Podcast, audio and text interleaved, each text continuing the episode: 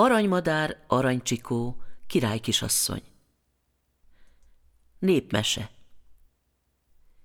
Második rész. A királyfi újra nekiindult a világnak.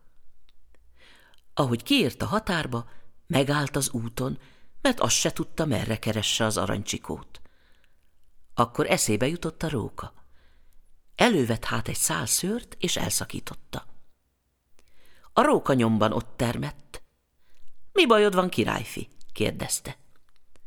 Semmi egyéb, csak az, hogy az aranymadár kalitkáját megfogtam. A kezem hozzáragadt, és rajta kaptak.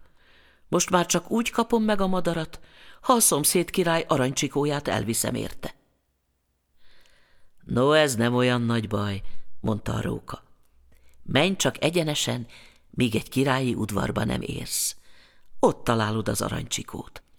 De arra vigyázz, hogy a csikó csengőjét meg ne fogd, mert bajba kerülsz. A királyfi fogadta a rókának, hogy mindent úgy tesz, ahogy mondta. El is indult, meg is találta a szomszéd király palotáját, abban meg az aranycsikót, hanem a róka tanácsáról ott is megfeledkezett. Olyan szép volt az aranycsengő az aranycsikó nyakán, hogy azt is szerette volna megszerezni melléje. De ahogy hozzáért, a csengő akkorát csendült, hogy meghallották az egész palotában. Futottak is mindenfelől a király emberei, elfogták és vitték egyenesen a király elé. Itt meg csak úgy szabadult meg az akasztófától, hogy megígérte a királynak, feleségül hozza neki a szomszéd király aranyhajú lányát. Mit tehetett a királyfi? Útra kelt megint. Mikor kiért a határba, elővett egy szál rókaszőrt, és eltépte. A róka ismét ott termett. Mi bajod van, királyfi? kérdezte. A királyfi elmondta, hogyan járt a csengővel.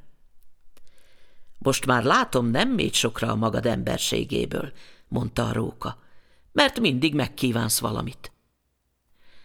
Eredj csak tovább ezen az úton.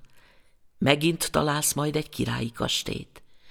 Abban van az aranyhajú király kisasszony de ha el akarod hozni, előbb szakíts el egy szál szőrt, a többivel aztán nem lesz gondod. A királyfi ismét nyakába vette a világot. Ment-ment, amíg meg nem találta a királyi kastét. Ott megmondta, hogy bár utas ember, valójában királyfi, és szállást kért. A király megengedte, hogy a palotában maradjon. Megismerkedett az aranyhajú királykisasszonynal is, Hamarosan megszerették egymást. Meg is beszélték, hogy megszöknek. Mikor kitervelték a szökést, a királyfi elszakított egy szál rókaszőrt. A róka abban a pillanatban ott termett. Elmondta neki a királyfi, hogy a király kisasszonyra már ráakadt, csak azt nem tudja, merre menjenek el úgy, hogy a király észre ne vegye. Azt felelte a róka, erre ne legyen gondod, elmegyünk együtt. Azzal előre szaladt. Futott egyenesen az őrséghez. Nagy riadalom támadt erre a kastély udvaron, mindenki rókát akart fogni. Utána futott az egész őrség. Rá is lődöztek, de nem találták el. Ez alatt a királyfi és az aranyhajú királylány kézen fogva sétált ki az üres kapun.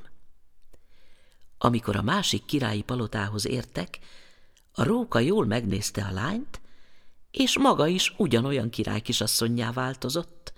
Még a tulajdon édesanyja sem mondta volna meg, melyik az igazi. A királyfi aztán őt vezette be a királyhoz, az igazi meg kint maradt.